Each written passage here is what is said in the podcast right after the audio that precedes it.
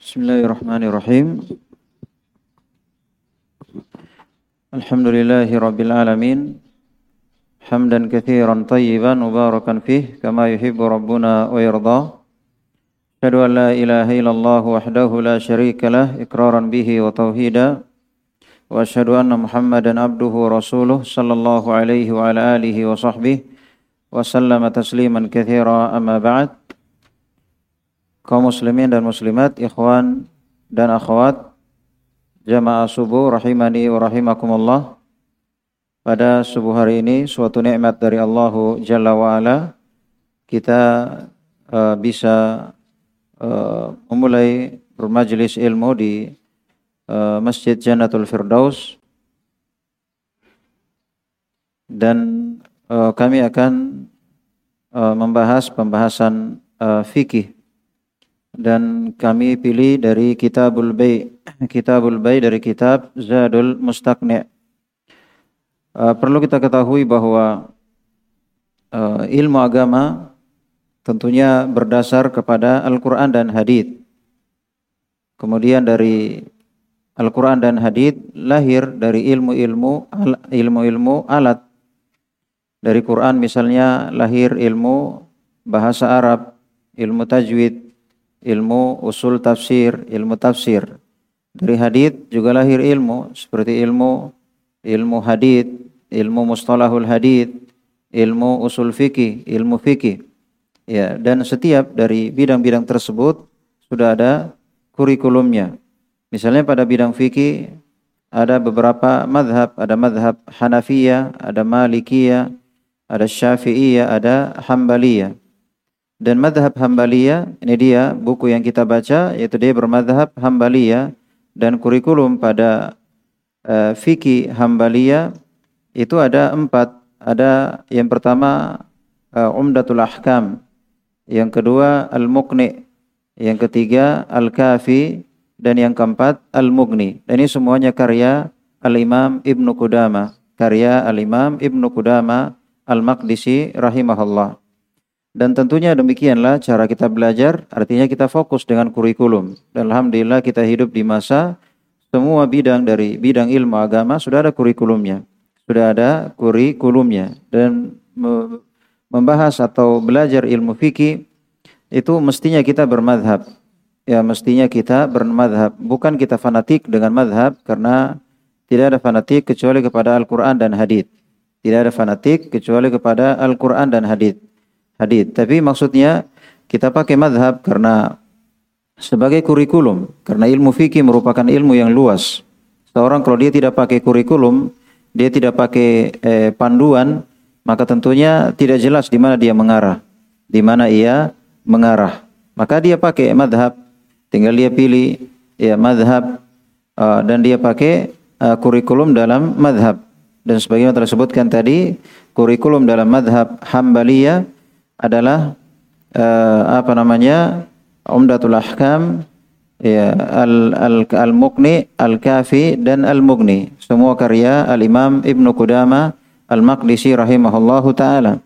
Dan tentunya dari semua al madhahib semua madhab itu yang paling mendekati kepada sunnah. Maksudnya semuanya mengikuti sunnah hanya banyak kesalahan. Yang paling mendekati kepada sunnah yaitu madhab Hambaliyah yang banyak dari uh, kesimpulan-kesimpulan fikih uh, kebanyakannya mencocoki uh, sunnah Nabi Shallallahu Alaihi Wasallam. Dan ini menunjukkan kepada kita bahwa kita tidak fanatik dengan madhab, tapi selalu mencocokkan dengan Al-Quran dan Hadith.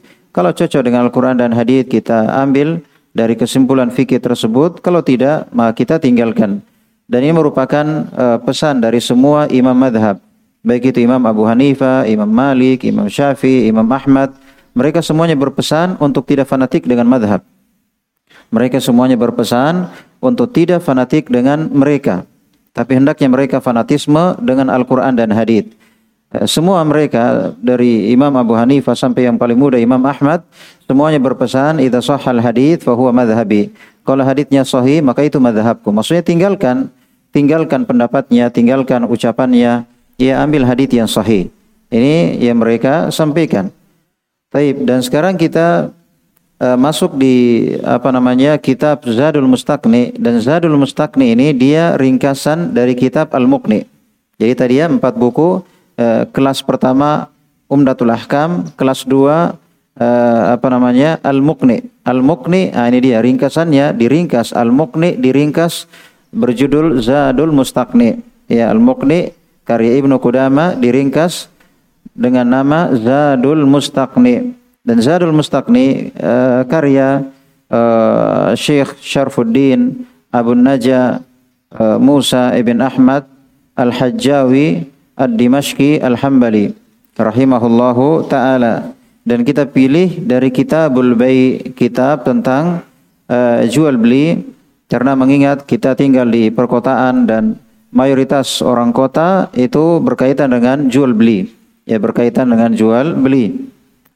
Dan apa namanya kita mengikuti dari uh, matan dari Zadul Mustaqni ini sehingga kita akan mengerti bagaimana uh, jual beli tersebut. Baik Kata penulis rahimahullahu taala Kitabul Bai kitab tentang jual beli. Wa huwa mubadalatu malin walau fi dhimmah aw manfaatin mubahah ka mamarrin fi darin bimithli ahadihima ala ta'bid ghaira riban wa qardin. Nah, di sini beliau menjelaskan tentang definisi jual beli. Pertama-tama beliau menjelaskan definisi jual beli. Ah, beliau tidak sebutkan definisi secara bahasa atau makna secara bahasa. Dia secara bahasa, kenapa dikatakan al-bai? Dia dari kata ba'a ba'a yabi'u bai'an. Maksudnya orang yang jual dan membeli itu dia seakan-akan dia ba'a, artinya dia uh, membentangkan tangannya, membentangkan tangannya, mengelurkan tangannya karena orang yang menjual dia mengulurkan tangannya, orang yang membeli dia mengulurkan tangannya karena ba'a artinya depa. Ba artinya depa. Jadi seakan-akan uh, apa namanya?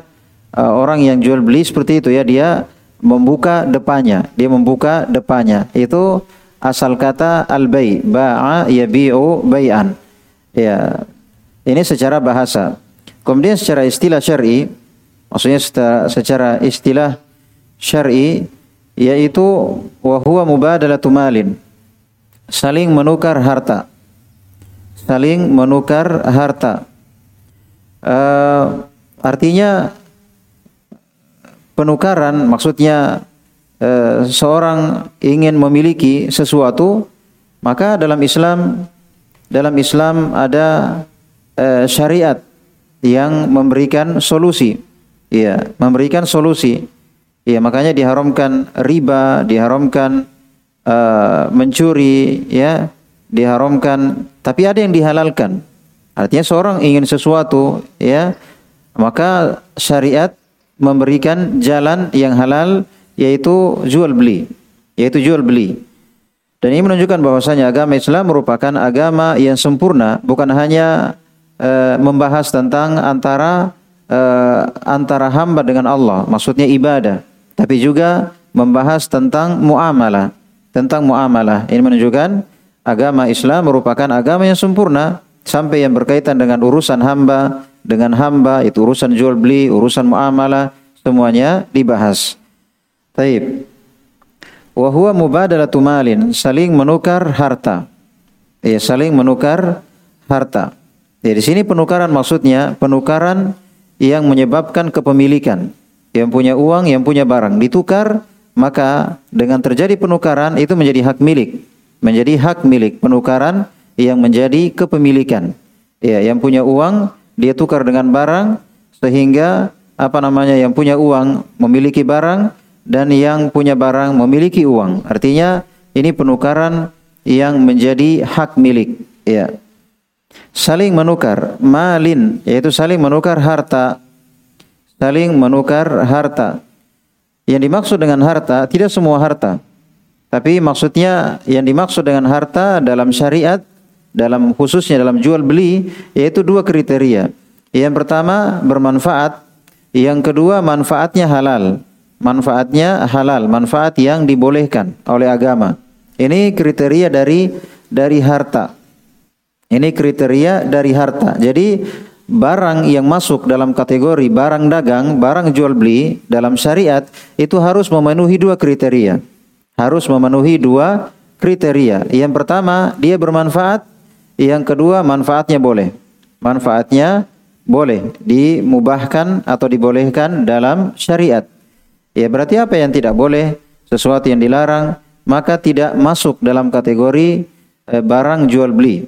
Ya, barang jual beli. Ya, misalnya ya bisnis uh, minuman keras, bisnis narkoba, ya dan bisnis apa-apa yang dilarang, maka ini tidak uh, istilahnya dia tidak masuk dalam kategori jual beli. Berarti kalau dia uh, barang yang ditukar dengan uang misalnya dan sementara itu barang bukan barang jual beli, maka ini tidak sah. Maka itu tidak tidak sah. Artinya tidak terjadi kepemilikan. Tidak terjadi kepemilikan karena dia di luar dari barang yang dibolehkan. Ini definisi harta. Jadi mal di sini bukan cuma uang, tapi semua uh, termasuk uang atau harta yang bermanfaat dan dibolehkan ya halal, maka itu namanya mal. Walau fi dhimmah, walaupun masih dalam tanggung jawab. Walaupun masih dalam tanggung jawab, atau manfaatin mubah atau manfaat yang eh, boleh manfaat yang mubah. Ka memarrin fi darin seperti lewat di rumah. Maksudnya di sini eh, yang ditukar dalam jual beli yaitu harta. Yang ditukar dalam jual beli yaitu harta. Ya. Eh, au manfaatin mubahah atau manfaat yang dibolehkan. Berarti yang ditukar itu ada dua. Jadi dalam jual beli itu apa saja yang ditukar ada dua. Yang pertama harta, mal. Ya, yang kedua manfaat atau jasa. Jasa. Ya. Jadi yang pertama eh, mal dan mal itu mencakup eh, apa saja yang bermanfaat dan boleh. Itu namanya mal. Kemudian yang kedua yaitu manfaat atau jasa. Seperti tadi mamarin fidarin yaitu lewat di apa namanya beli e, lewatnya saja. Artinya untuk bisa lewat di tanah orang itu dibeli, untuk bisa lewatnya itu dibeli, itu bisa dijual. Jadi bukan tanah yang dijual, tapi untuk lewatnya kita beli karena itu tanah orang, untuk lewatnya kita beli itu bisa. Jadi bukan disewa tanahnya orang, disewa pakai lorong, manfaat lewatnya dibeli ya itu bisa dijual. Jadi manfaat bisa dibeli. Maksudnya bisa di diperjualbelikan. Iya. Jadi yang ditukar adalah yang ditukar adalah harta dan manfaat. Ya, harta dan manfaat. Dan dari dua ini kalau kita mau detailkan lagi, ini harta terbagi dua. Harta terbagi dua. Yang pertama muayyan, yang kedua fi Muayyan maksudnya harta yang sudah ready. Intinya ini uang di atas meja. Ini barang di atas meja, langsung ditukar. Iya kan? Ini namanya ready dengan ready. Artinya sudah ada. Tapi ada harta masih fidimah, masih dalam tanggung jawab. Nanti uangnya ya. Ya. Uangnya masih di ATM, belum ditarik. Ya kan? Atau misalnya uangnya masih di saku, barangnya masih di, toko, di belakang, di lantai dua, ya kan? Ini namanya apa namanya? Masih dalam tanggung jawab. Iya, masih dalam tanggung jawab. Jadi harta itu ada yang sudah eh, jelas di situ, ada yang masih dalam tanggung jawab. Nah, jadi kalau kita simpulkan, yang ditukar dalam jual beli ada tiga. Jadi asalnya dua, tapi karena harta dibagi dua, jadi semuanya tiga. Iya, jadi asalnya tadi dua, harta dengan manfaat. Iya kan, harta dengan manfaat. Dan harta dibagi dua, ada yang sudah siap, sudah uh, ready, sudah ada, ya sudah ditentukan, ada yang masih dalam tanggung jawab. Ada yang masih dalam tanggung jawab. Uh, jadi kalau kita uh, uh, hitung secara secara keseluruhan yang ditukar itu ada sembilan. Terjadi sembilan bentuk penukaran. Asalnya dua, jadi tiga, jadi sembilan. Ya, asalnya dua, jadi tiga, jadi sembilan. Bagaimana caranya? Pertama asalnya dua, yaitu harta dengan manfaat harta dengan manfaat. Ini ditukar. Kemudian di dirinci tadi harta ini ada dua macam. Ada yang sudah ready, maksudnya ada yang sudah ada, dan ada yang nanti, artinya di, di, di masih dalam tanggung jawab, ya kan? Masih dalam tanggung jawab, iya. Yang belum siap, iya. Nah, tiga ini ditukar, maka menjadi sembilan penukaran. Pertama misalnya kalau kita kita Arabkan namanya muayyan fi dhimmah dengan manfaat, gitu ya. Kalau diarabkan supaya tidak terlalu uh, panjang terjemahannya, yaitu uh, muayyan maksudnya ready, sudah siap. Fi dhimmah tanggung jawab. Kemudian uh, manfaat tiga. Sekarang ditukar ini jadi sembilan. Pertama fi dhim uh, muayyan dengan muayyan. Muayyan dengan fi dhimmah. Muayyan dengan manfaat. Tiga ya. Kemudian uh, fi dhimmah dengan uh, muayyan. Fi dhimmah dengan fi dhimmah dengan manfaat. Sudah enam. Kemudian manfaat. Manfaat dengan muayyan. Manfaat dengan fi. Manfaat dengan uh, manfaat. Sembilan. Jadi tiga kali tiga sembilan. Ini yang ditukar dalam jual beli. Asalnya dua, jadi tiga, jadi sembilan. Bentuk penukaran. Iya, bentuk penukaran. Iya. Taib. jadi mungkin yang ditukar harta yang muayyan, ditukar dengan muayyan. Atau muayyan ditukar dengan fi Atau muayyan ditukar dengan manfaat. Satu. Yang kedua, fi tanggung jawab. Mungkin ditukar dengan muayyan, mungkin ditukar dengan fi mungkin ditukar dengan manfaat. Kemudian manfaat, manfaat mungkin ditukar dengan harta yang muayyan yang tertentu. Mungkin manfaat ditukar dengan yang masih dalam tanggung jawab. Mungkin manfaat ditukar dengan manfaat. Jadi semuanya sembilan. Inilah yang ditukar-tukar dalam jual beli. Iya, karena jual beli itu artinya penukaran. Apa saja yang ditukar, ini dia. Tidak keluar dari sembilan ini. Dan kesimpulannya, dari sembilan tadi itu, kembali kepada dua yaitu mal dengan manfaat. mal dengan manfaat dan mal terbagi dua tadi ada yang eh, muayyan ada yang sudah ready, sudah siap, sudah ter, tertentu barangnya, ya. Ini barang, ini uang tinggal ditukar, ya kan? Tinggal ditukar. Barangnya di atas meja, uangnya di atas meja, tinggal ditukar. Ini namanya muayyan. Ada yang fi Orang pergi di toko misalnya, pergi di toko, uangnya masih di saku, iya kan? Tokonya dia mau beli beras misalnya, berasnya belum lagi di, dia mau beli beras 2 kilo, 3 kilo, masih di karung, iya kan? Berasnya masih di karung, iya kan? Saya beli beras. Ya sudah, pemilik toko ambil beras 2 kilo, iya kan? Berarti ini masih tanggung jawab. Sama juga uangnya masih di saku, iya kan? Belum disimpan di atas meja, beras juga belum di atas meja, iya kan? Berarti namanya masih tanggung jawab. Dia bertanggung jawab ambil uangnya, uh, pemilik toko ber, bertanggung jawab ambil berasnya, iya kan? Ini namanya fi Ya, jadi itu yang ditukar. Ada yang muayyan, ada yang fi ada yang manfaat. Ada yang manfaat. Ini yang ditukar dalam jual beli. Bimitli ahadihima ala ta'bid. Bimitli ahadihima. Ya, semisal dengan uh, salah satu dari keduanya. Keduanya maksudnya uh, yang ditukar tadi asalnya kan dua, yaitu harta dengan manfaat, gitu ya harta dengan manfaat. Iya. Nanti dari dua ini berkembang jadi tiga, kemudian jadi sembilan bentuk. Alat ta'bid, ya alat ta'bid artinya uh, selamanya. Iya, alat ta'bid selamanya. Maksudnya ketika ditukar maka ini menjadi milik selamanya. Karena kalau tidak selamanya itu namanya sewa menyewa. Itu namanya alijara, itu uh, sewa menyewa. Tapi kalau jual beli, misalnya dia beli manfaat lewat, maka dia beli manfaat lewat, ini dia pakai selamanya, itu milik dia.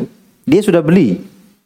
Maka apa pun mau sudah di uh, tanah atau di peping yang jelas dia bisa lewat karena dia sudah beli. Dia sudah beli lewat. Maka itu milik dia. Itu milik dia. Ibaratnya kita beli barang, itu barang saya, iya kan? Saya mau kasih siapa, itu punya saya. Sama dengan ketika dia beli manfaat, yaitu manfaat lewat, itu milik dia. Jelas tidak bisa dia dihalangi di situ untuk lewat. Iya, tapi maksudnya bukan dia bangun itu tanah, ya kan? Dia jual misalnya bukan tanahnya yang dia beli, manfaatnya yang dia beli. Ya kan? Manfaatnya yang dia beli. Jadi di sini dikatakan alat ta'bid selamanya. Alat ta'bid selamanya. Iya. Ghaira riban. Bukan riba. Maksudnya jual beli itu bukan riba. Berarti beda antara jual beli dengan riba. Wa halallahu al-bai'a wa harrama riba. Allah halalkan jual beli dan Allah haramkan riba. Jadi jual beli bukan riba. Ya, bagaimana itu seandainya jual beli ini eh, apa namanya riba juga masuk dalam jual beli? Misalnya saya tukar uang dengan uang. Saya tukar uang dengan uang. Misalnya 10 ribu saya tukar dengan 15 ribu. Ini dalam kalau dalam jual beli boleh-boleh saja. Namanya juga uang kan termasuk barang, iya kan? Termasuk barang. Dalam jual beli kan uang termasuk barang. Tapi dia bukan riba dalam dalam dalam pembahasan riba 10 ribu ditukar dengan 15 ribu itu tidak boleh. Harus sama dan cash, ya kan? Harus sama dan cash. Ya. Kalau dalam jual beli nggak ada masalah, mau beda, mau uh, cash, mau tidak, nggak ada masalah, ya kan? Berarti beda beda antara jual beli dengan riba. Makanya dikatakan di sini gaira riban. Dia bukan riba. Karena kalau riba, kalau jual beli, kalau riba masuk jual beli berarti boleh jual beli uang. Maksudnya pokoknya bebas seperti jual beli. Pokoknya mau beda eh, 10 ribu dengan 15 ribu, mau tidak mau tidak langsung ya, mau tidak langsung. Tidak ada masalah. Kenapa? Karena dia masuk jual beli. Tapi ternyata tidak. Gaira riban. Dia bukan riba wa dan bukan pinjaman. Jadi karena riba juga penukaran, uang ditukar uang. Sama jual beli juga uang ditukar uang, barang ditukar barang. Ya, dari sembilan bentuk penukaran. Artinya sama-sama menukar. Hanya beda antara jual beli dengan riba. Beda antara jual beli dengan riba. Yang jelas jual beli bukan riba. Ya, walaupun riba ada bentuk penukaran, tapi dia bukan jual beli.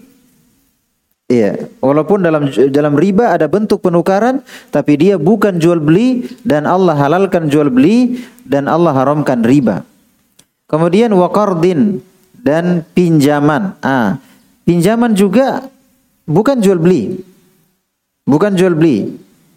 Ya, karena pinjaman ada penukaran. Misalnya saya pinjam uang 10 ribu. Nanti saya kembalikan 10 ribu. Terjadi bentuk penukaran. Pinjam uang, kembalikan uang. Iya kan begitu ya? Hanya dia sifatnya misalnya pinjam uang 10 ribu nanti diganti sepekan. Berarti terjadi terjadi apa namanya penukaran yaitu ambil uang dan kembalikan uang. Terjadi penukaran. Tapi ini juga bukan jual beli. Artinya begini, kalau saya pinjam uang 10 ribu dan saya saya kasih 10 ribu tapi masuk dalam kategori eh, misalnya jual beli Makanya tidak boleh karena tidak boleh uang ditukar uang kecuali cash. Tidak boleh uang ditukar uang kecuali cash. Seandainya pinjam itu masuk jual beli nggak boleh, nggak boleh pinjam uang karena dia tidak tunai. Harusnya kalau kalau pinjam masuk jual beli berarti pinjam sepuluh ribu langsung kembalikan saat itu pula harus cash. Ya, apa gunanya kita pinjam? Ya kan harus cash pinjam langsung kembalikan. Iya, tapi karena dia pinjam meminjam bukan masuk dalam pembahasan jual beli. Bukan pula riba. Berarti berarti kita pinjam meminjam boleh saja kita pinjam 10 ribu dikembalikan nanti itu nggak ada masalah. Kenapa? Karena dia bukan masuk dalam jual beli. Iya, karena dia tidak masuk dalam jual beli. Tapi ini kesimpulannya. Ini definisi jual beli. Ya, jadi jual beli itu penukaran. Apa yang ditukar? Asalnya dua, jadi tiga, jadi sembilan. Ya, asalnya dua yaitu harta. Bagaimana harta itu? Yang pertama bermanfaat, yang kedua manfaatnya mubah, ya, manfaatnya mubah. Ya. Kemudian apalagi yaitu uh, apa namanya? manfaat. Bisa ini tukar harta dengan manfaat. Kemudian harta terbagi dua, ada yang sudah siap, ada yang masih dalam tanggung jawab. Jadi tiga semuanya kemudian ditukar jadi sembilan bentuk penukaran. Kemudian jual beli itu sifatnya selamanya, menjadi milik selamanya, ya. Dia bukan riba dan bukan pinjaman. Ya, bukan riba dan bukan pinjaman. Taib. Pembahasan berikutnya selesai definisi jual beli. Selesai definisi jual beli. Sekarang eh, sebelum kita lanjut sudah mulai tergambar eh, dengan apa seorang masuk di ranah jual beli. Ya, sudah mulai tergambar dengan apa seorang dia masuk di ranah jual beli. Yaitu di ranah jual beli yaitu adanya penukaran. Apa yang ditukar tadi? Barang atau manfaat. Ya, barang atau manfaat, ya, jasa. Iya. Kemudian ada sembilan bentuk. Kemudian sifatnya selamanya. Dia bukan riba dan bukan pinjaman. Pembahasan yang kedua wayan akidu dan terikat.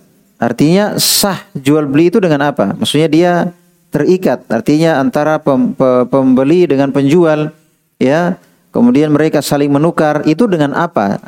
Apa ikatannya ya? Apa ikatannya sehingga mereka saling menukar dengan apa ikatannya sehingga sah suatu ikatan jual beli. Ya. Wa yanaqidu bi ijabin wa qabulin ba'dahu aw qablahu mutarakhiyan anhu fi majlisihi fa in tashaghala bima yaqta'uhu batala wa hiya as-sighatul qawliyah wa bi mu'atatin wa hiya al-fi'liyah. Pembahasan yang kedua ya pembahasan yang kedua yaitu wayan akid dan pembahasan yang kedua yaitu akad. Akad jual beli. Bagaimana akad jual beli? Kalau tadi bagaimana definisi jual beli? Pembahasan yang kedua yaitu akad jual beli. Bagaimana akadnya? Iya, bagaimana akadnya? Apakah dia seperti akad nikah atau akad apa ya? Apakah harus dilafatkan? Ya. Saya beli uh, apa namanya mobil ta dengan harga sekian dibayar tunai sah ya kan? Kemudian yang yang yang punya ya, mobil saya terima uangnya ya jumlah sekian terbayar tunai ya. Lillahi taala misalnya. Eh, bagaimana eh, terikatnya atau terjadinya ikatan dalam jual beli? Uh, jadi uh, wayan akid dan dia terikat dengan ijab dan kabul dengan ijab dan kabul jadi dia terikat dengan ijab dan kabul. Kalau bahasa kita ijab kabul, ya, ijab kabul. Ijab itu dari penjual dan kabul dari pembeli. Ijab dari penjual, kabul dari pembeli. Ijab kabul, ijab dari penjual, kabul dari pembeli. Iya. Ini jadi dia terikat jual beli itu dengan ini, dengan ijab dan kabul. Nah, Bagaimana bentuk ijab kabulnya? Bagaimana bentuk ijab kabulnya? Karena kalau kita perhatikan di lapangan, macam-macam orang jual beli itu. Ada yang kasih uang ambil roti pergi. Ada juga tanda tangan, kwitansi, serahkan, terima, ya, banyak berkas-berkas. Ada juga asal ngomong, saya belikan ya lima ekor ini dua puluh ribu pergi. Ada yang tidak pakai kata-kata, ada yang resmi sekali, ya, ada yang kata-kata yang sederhana. Jadi sebenarnya bagaimana akad jual beli itu bagaimana? Maksudnya ya mengikat ya mengikat antara pembeli dengan penjual itu yang sahnya itu bagaimana? Jawabannya beliau jelaskan di sini bi ijabin wa qabul dengan ijab dan qabul dengan ijab dan qabul. Ya. Ijab dan qabul akan dijelaskan nanti bahwa akad dalam jual beli itu terbagi dua. Ada namanya kauliyah, ada fi'liyah. Akadnya itu ada kauliyah, ada fi'liyah. Terbagi dua. Jadi akad jual beli terbagi dua. Ada kauliyah, ada fi'liyah. Ya, kauliyah, kauliyah yaitu ijab kabul, ucapan dan terima. Misalnya dia pergi ke toko ini, misalnya apa namanya dari penjual ini eh, lima puluh ribu, ya oke okay, bungkus ya, ini uangnya, ya kan terjadi ucapan, terjadi ucapan. Atau yang kedua fi'li ya, fi'li artinya tidak ada ucapan, tidak ada ucapan, tidak ada ucapan. Misalnya di sini sudah ada tempat uang, di sini sudah ada barang. Dia tinggal ambil, dia tinggal ambil barang, dia kasih barangnya sudah tertera harganya. Ada tempat uang, dia tinggal ambil barang, kemudian simpan uang pergi. Ada juga jual beli seperti itu dan ini sah. Ya kan? Dan ini sah. Berarti akadnya itu dua macam, ada kauliyah, ada fi'liyah. Ada kauliyah, ada fi'liyah. Iya, ada ucapan, ada hanya perbuatan, tidak ada ucapan. Nah, sekarang kaulia ini ucapan yang terdiri dari eh, ucapan yaitu ijab kabul. Kalau eh, kalau perbuatan yaitu saling memberi, saling memberi, tinggal memberi, pemilik toko kasih barang, eh, yang punya uang kasih uang, tidak ada saling bicara, pergi, iya kan? Ini namanya saling memberi. Kalau ucapan ijab kabul, iya. Uh, ijab kabulnya itu dia karena muamalah jual beli itu masuk dalam urusan muamalah itu urusan dunia. Dan urusan dunia asalnya bebas.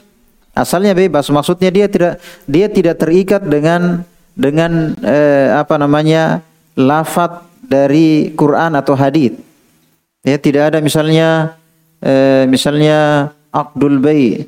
Nabi Shallallahu Alaihi Wasallam bersabda akdul bay lafzu akdil bay, lafat jual lafat akad jual beli adalah tidak ada. Artinya berarti dia bebas, tidak ada nas, maksudnya tidak ada ayat, tidak ada hadis, berarti dia bebas mau, mau ucapan bagaimana yang jelas itu yang berlaku di masyarakat terbiasa ya uh, itu sah, artinya bebas dia. Ya. Apa yang berlaku seperti itu, artinya apa yang berjalan seperti itu. Ya, dia tidak ada lafat khusus. Tidak ada lafaz khusus, mau pakai bahasa apa saja, bagaimana bentuk bahasanya, yang jelas dimaklumi bahwa ini menjual, ini membeli, sudah selesai.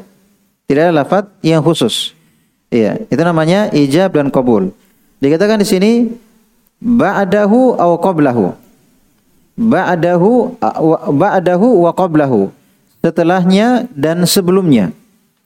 Setelahnya dan sebelumnya. Maksudnya setelahnya yaitu setelah ijab baru kabul. Setelah penjual baru pembeli. Saya jual ini sepuluh ribu. Pembeli bilang iya, silakan dibungkus. Saya bayar, ya kan? Berarti ini dari penjual dulu baru pembeli. Atau sebaliknya, wakoblahu sebelumnya. Pembeli dulu baru penjual. Berapa ini? Sepuluh ribu. Ya kan? Berapa ini? Kan dari pembeli dulu, baru penjual. Jadi mungkin dari penjual dulu, baru pembeli, atau pembeli dulu, baru penjual. Iya kan? Baru penjual. Iya, dan eh, apa namanya? Ya, dari pembeli mungkin ya karena dia bertanya berapa ini, ya kan? Atau mungkin apa namanya? Dari perintah bungkuskan ini, ambilkan ini, ya kan? Ya, mungkin dari pertanyaan atau perintah, ya kan? Ya, atau perintah yang jelas mungkin dari penjual kemudian pembeli atau mungkin dari pembeli kemudian penjual, ya kan? Terserah bebas. Artinya eh, yang jelas terjadi apa? Terjadi eh, ijab kabul. Terjadi ijab dan kabul. Iya. Mutarakhiyan anhu fi majlisi. Iya, mutarakhiyan anhu. Mutarakhiyan artinya eh, ada jeda, maksudnya mutarakhian itu ada uh, jeda. Maksudnya ketika saya jual ini, terus dia pergi, harganya berapa? Sepuluh ribu, dia pergi keliling keliling sentral dulu, baru datang lagi. Oh iya, saya beli sepuluh ribu. Nggak, sudah batal, akad pertama sudah batal. Harus ketika eh, apa namanya uh, misalnya saya jual sepuluh ribu ini, maka akad ini akan akan berlaku berlaku akad dibilang sepuluh ribu harganya ini berlaku ketika itu. Maksudnya ketika langsung dia terima. Oh iya, sepuluh ribu ya. Kalau dia oke okay, oke okay, berarti itu berlaku akadnya. Tapi kalau misalnya tunggu ya uh, satu jam kemudian, setengah jam kemudian, nelpon dulu atau apa gitu kan, ini kan tidak langsung. Ya kan, siapa tahu penjual saya bro pikiran nggak jadi sepuluh ribu, saya jual dua puluh ribu, ya kan? Karena kenapa? Karena bukan lagi tarahi, karena akad yang ucapan yang yang berlaku tadi itu itu ketika itu. Seandainya dia sambut sepuluh ribu, langsung dia sambut, nah ini dia. Itu asalnya. Tapi kalau tidak, berarti bisa saja dia ganti akadnya. Akad yang pertama sudah nggak sah. Itu maksudnya mutarakhian. Artinya ada jeda, maka ini tidak berlaku akad yang pertama tadi. Iya fi majlisihi masih dalam majelisnya masih dalam majelisnya maksudnya selama masih di majelis misalnya dia belanja di toko selama masih di situ Ya, selama masih di situ, maka akad itu berlaku. Akad itu berlaku. Berapa harganya ini? 10 ribu. Ya, dia belum pergi ke toko lain, belum apa. Di situ dia. Ya, pikir-pikir 10 ribu, 10 ribu, 10 ribu. Ya kan? Masih. Berarti ucapan penjual 10 ribu ini masih berlaku. Kenapa? Karena dia belum meninggalkan tempat. Karena dia belum meninggalkan tempat. Iya. Kecuali dia sudah pergi ke toko lain, kemudian datang lagi. Ya, saya mau beli tadi 10 ribu. Penjual bilang enggak, enggak jadi. Saya mau jual 15 ribu. Itu hak dia karena sudah batal. Akad yang pertama sudah batal. Karena dia sudah tinggalkan majelis. Dia sudah tinggalkan tempat. Berarti bikin akad baru lagi. Kemudian fa in tasyaghala bima yaqtahu batala. Atau walaupun satu tempat walaupun masih satu tempat, tapi dia sibuk dengan dia sibuk dengan yang menyibukkan dari dari akad. Misalnya berapa harganya ini sepuluh ribu. Dia masih di situ juga belum pergi-pergi, tapi sibuk nelpon sepuluh ribu, sabarnya nelpon dia panjang lebar. Lama kemudian baru berapa tadi? Kalau kalau penjual bilang anda jadi, saya mau tadi sebenarnya 10 tapi sekarang saya jual 20 ribu. Itu urusan dia karena akad yang pertama sudah batal. Kenapa? Walaupun dia masih di masih di satu tempat, belum meninggalkan tempat itu, tapi dia sudah sibuk dengan sesuatu yang memutuskan akad yang pertama. Sehingga penjual berhak untuk mengganti akad. Iya, untuk mengganti akad. Iya. Taib. Ini maksudnya uh, tasyaghala bima yaqta'uhu batala. Wa hiya qawliyah dan dia dengan sirah kauliyah dengan bentuk ucapan. Maksudnya uh, sebagai yang telah kita jelaskan tadi bahwa akad terikat dengan dua bentuk. Yang pertama uh, kauliyah, yang kedua fi'liyah. Wa bi mu'atatin wa hiya fi'liyah dan dengan mu'atah yaitu adalah fi'liyah. Ya, itu perbuatan. Baik, kesimpulannya Alhamdulillah di pagi ini selesai membahas definisi dan akad. Selesai membahas definisi dan akad. Definisinya yaitu menukar. Ada berapa penukaran tadi? Sembilan macam. Ya, sifatnya apa? Selamanya, milik selamanya. Ya, bukan riba dan bukan pinjaman. Kemudian akadnya bagaimana? Akadnya terbagi dua. Ya, akadnya terbagi dua ada kauliyah, ada ucapan yaitu ijab kabul dan ada fi'liyah, ada perbuatan yaitu saling serat terima saja tanpa ucapan. Ya, tanpa ucapan. Ini kasih uang, ini terima barang, iya kan? Ini kasih uang, ini kasih barang. Iya, tidak ada ucapan. Itu namanya mu'at, mu'atah, saling memberi. Baik. Kalau mau dirinci saling memberi ini terbagi tiga. Ada misalnya yang berbicara satu saja. Misalnya berapa ini? Ya berapa ini? Atau misalnya pembeli datang, ambilkan ini. Sudah pemilik toko ambilkan barang, kasih nggak bicara, cuma pembeli yang bicara. Ya kan? Ada yang penjual saja yang menjual. Nah, sepuluh ribu, sepuluh ribu, sepuluh ribu. Sudah, pembeli langsung kasih uang, bungkus, pergi. Ada yang tidak bicara sama sekali. Penjual dengan pembeli nggak ada yang ngomong. Ya, nggak ada yang ngomong. Pokoknya ini harganya sudah ada, barangnya sudah ada, harganya sudah ada. Pembeli datang lihat harga sudah ambil uang kasih ambil barang pergi. Iya. Jadi ini akad dalam jual beli. Ini akad dalam jual beli dengan kaulia, dengan ucapan atau fi'liyah atau perbuatan. Iya.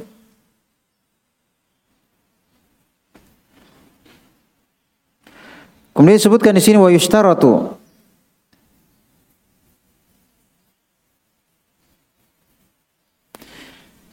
Wa yushtaratu at-taradi disyaratkan taradi. Ah, sini sudah masuk sudah mulai masuk di pembahasan syarat jual beli. Ya, syarat jual beli. Tapi ini ada sebutkan ada tujuh syarat ya, ada tujuh syarat. Sepertinya kita tidak bisa selesaikan ya tujuh syarat ini. Karena kalau terputus ya nanti dilupa lagi. Baik saya simpulkan saja ya apa yang telah kita pelajari. Pertama uh, kita sekarang membaca kitab Zadul Mustaqni. Ya, kitab Zadul Al Mustaqni membahas tentang uh, fikih Hambaliyah dan kita memilih kitabul Bay, kitab tentang jual beli dan sekarang kita sudah membahas dari matan Zadul Mustaqni dua pembahasan. Yang pertama definisi jual beli, yang kedua ya, yang kedua akad jual beli. Ya, akad jual beli, definisi jual beli dan akad jual beli. Maka insya Allah sudah mulai tergambar uh, area jual beli, ya, rana jual beli. Sudah mulai tergambar ya. Pokoknya jual beli itu barang atau manfaat. Barang bagaimana? Barang yang bermanfaat dan halal. Ya. Berarti kalau yang tidak halal itu tidak masuk ranah jual beli. Kalau terjadi terjadi penukaran itu tidak sah karena tidak disahkan oleh agama. Tidak terjadi kepemilikan yang sah. Karena agama hanya me, apa namanya menjadikan penukaran dan sah dengan cara jual beli. Maka barang yang tidak masuk kategori barang jual beli maka tidak sah. Ya, misalnya dia beli khamar, maka tidak terjadi kepemilikan yang sah. Tidak terjadi kepemilikan yang sah. Uang itu bukan uang penjual, ya khamar itu bukan milik pembeli. Tidak terjadi kepemilikan yang sah. Jadi yang terjadi kepemilikan yang sah itu hanya masuk dalam kategori barang jual beli. Dan barangnya dua, ada barang ada manfaat. Ya kan? Barangnya bagaimana? Ada barang yang bermanfaat dan halal. Ya, barang yang bermanfaat dan dihalalkan dalam agama. Itu yang dimaksud dengan barang. Iya, itu yang dimaksud dengan barang. Iya, dia bermanfaat uh, dan manfaatnya dibolehkan dalam agama. Iya. Taib. Kemudian akadnya terbagi dua, ada akad eh, kaulia, ada ucapan dan ada fi'liya, ada perbuatan. Iya. Saya kira jelas ya berkaitan dengan definisi jual beli dan berkaitan dengan akad jual beli. Iya, akad jual beli. Definisi jual beli dan akad jual beli. Sekarang antum sudah bisa menjawab seribu satu macam pertanyaan tentang rana jual beli.